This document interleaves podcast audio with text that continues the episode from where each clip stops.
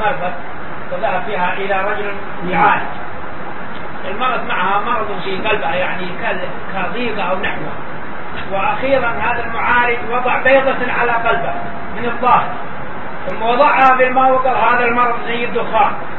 وأخيرا أعطاهم كتابا كتب فيه بسم الله الرحمن الرحيم. ثم كتب فيه أشياء لا تعرف. وقال تعلقوه. هذا هذا مخرر. يجب يجب أن يمنع ويعاقب هذا مخرر لا يجوز. الوصول إليه ولا يجوز. سؤاله هذا من العرافين والكهنة وأشباههم. لا يسأل ولا يعمل بقوله بل يجب أن يعاقب إذا عرف. على ولاة الأمور يعاقبوا إذا عرفوه ويمنعوه من هذا العمل السيء إنما يطلب الدواء من العارفين بالدواء. المأمونين.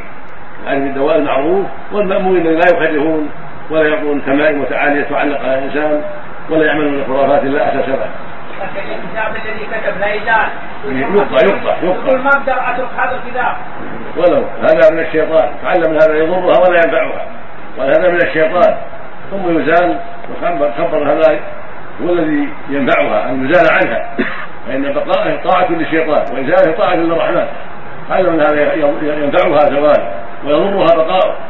ولكن الشيطان يزين للناس الباطل.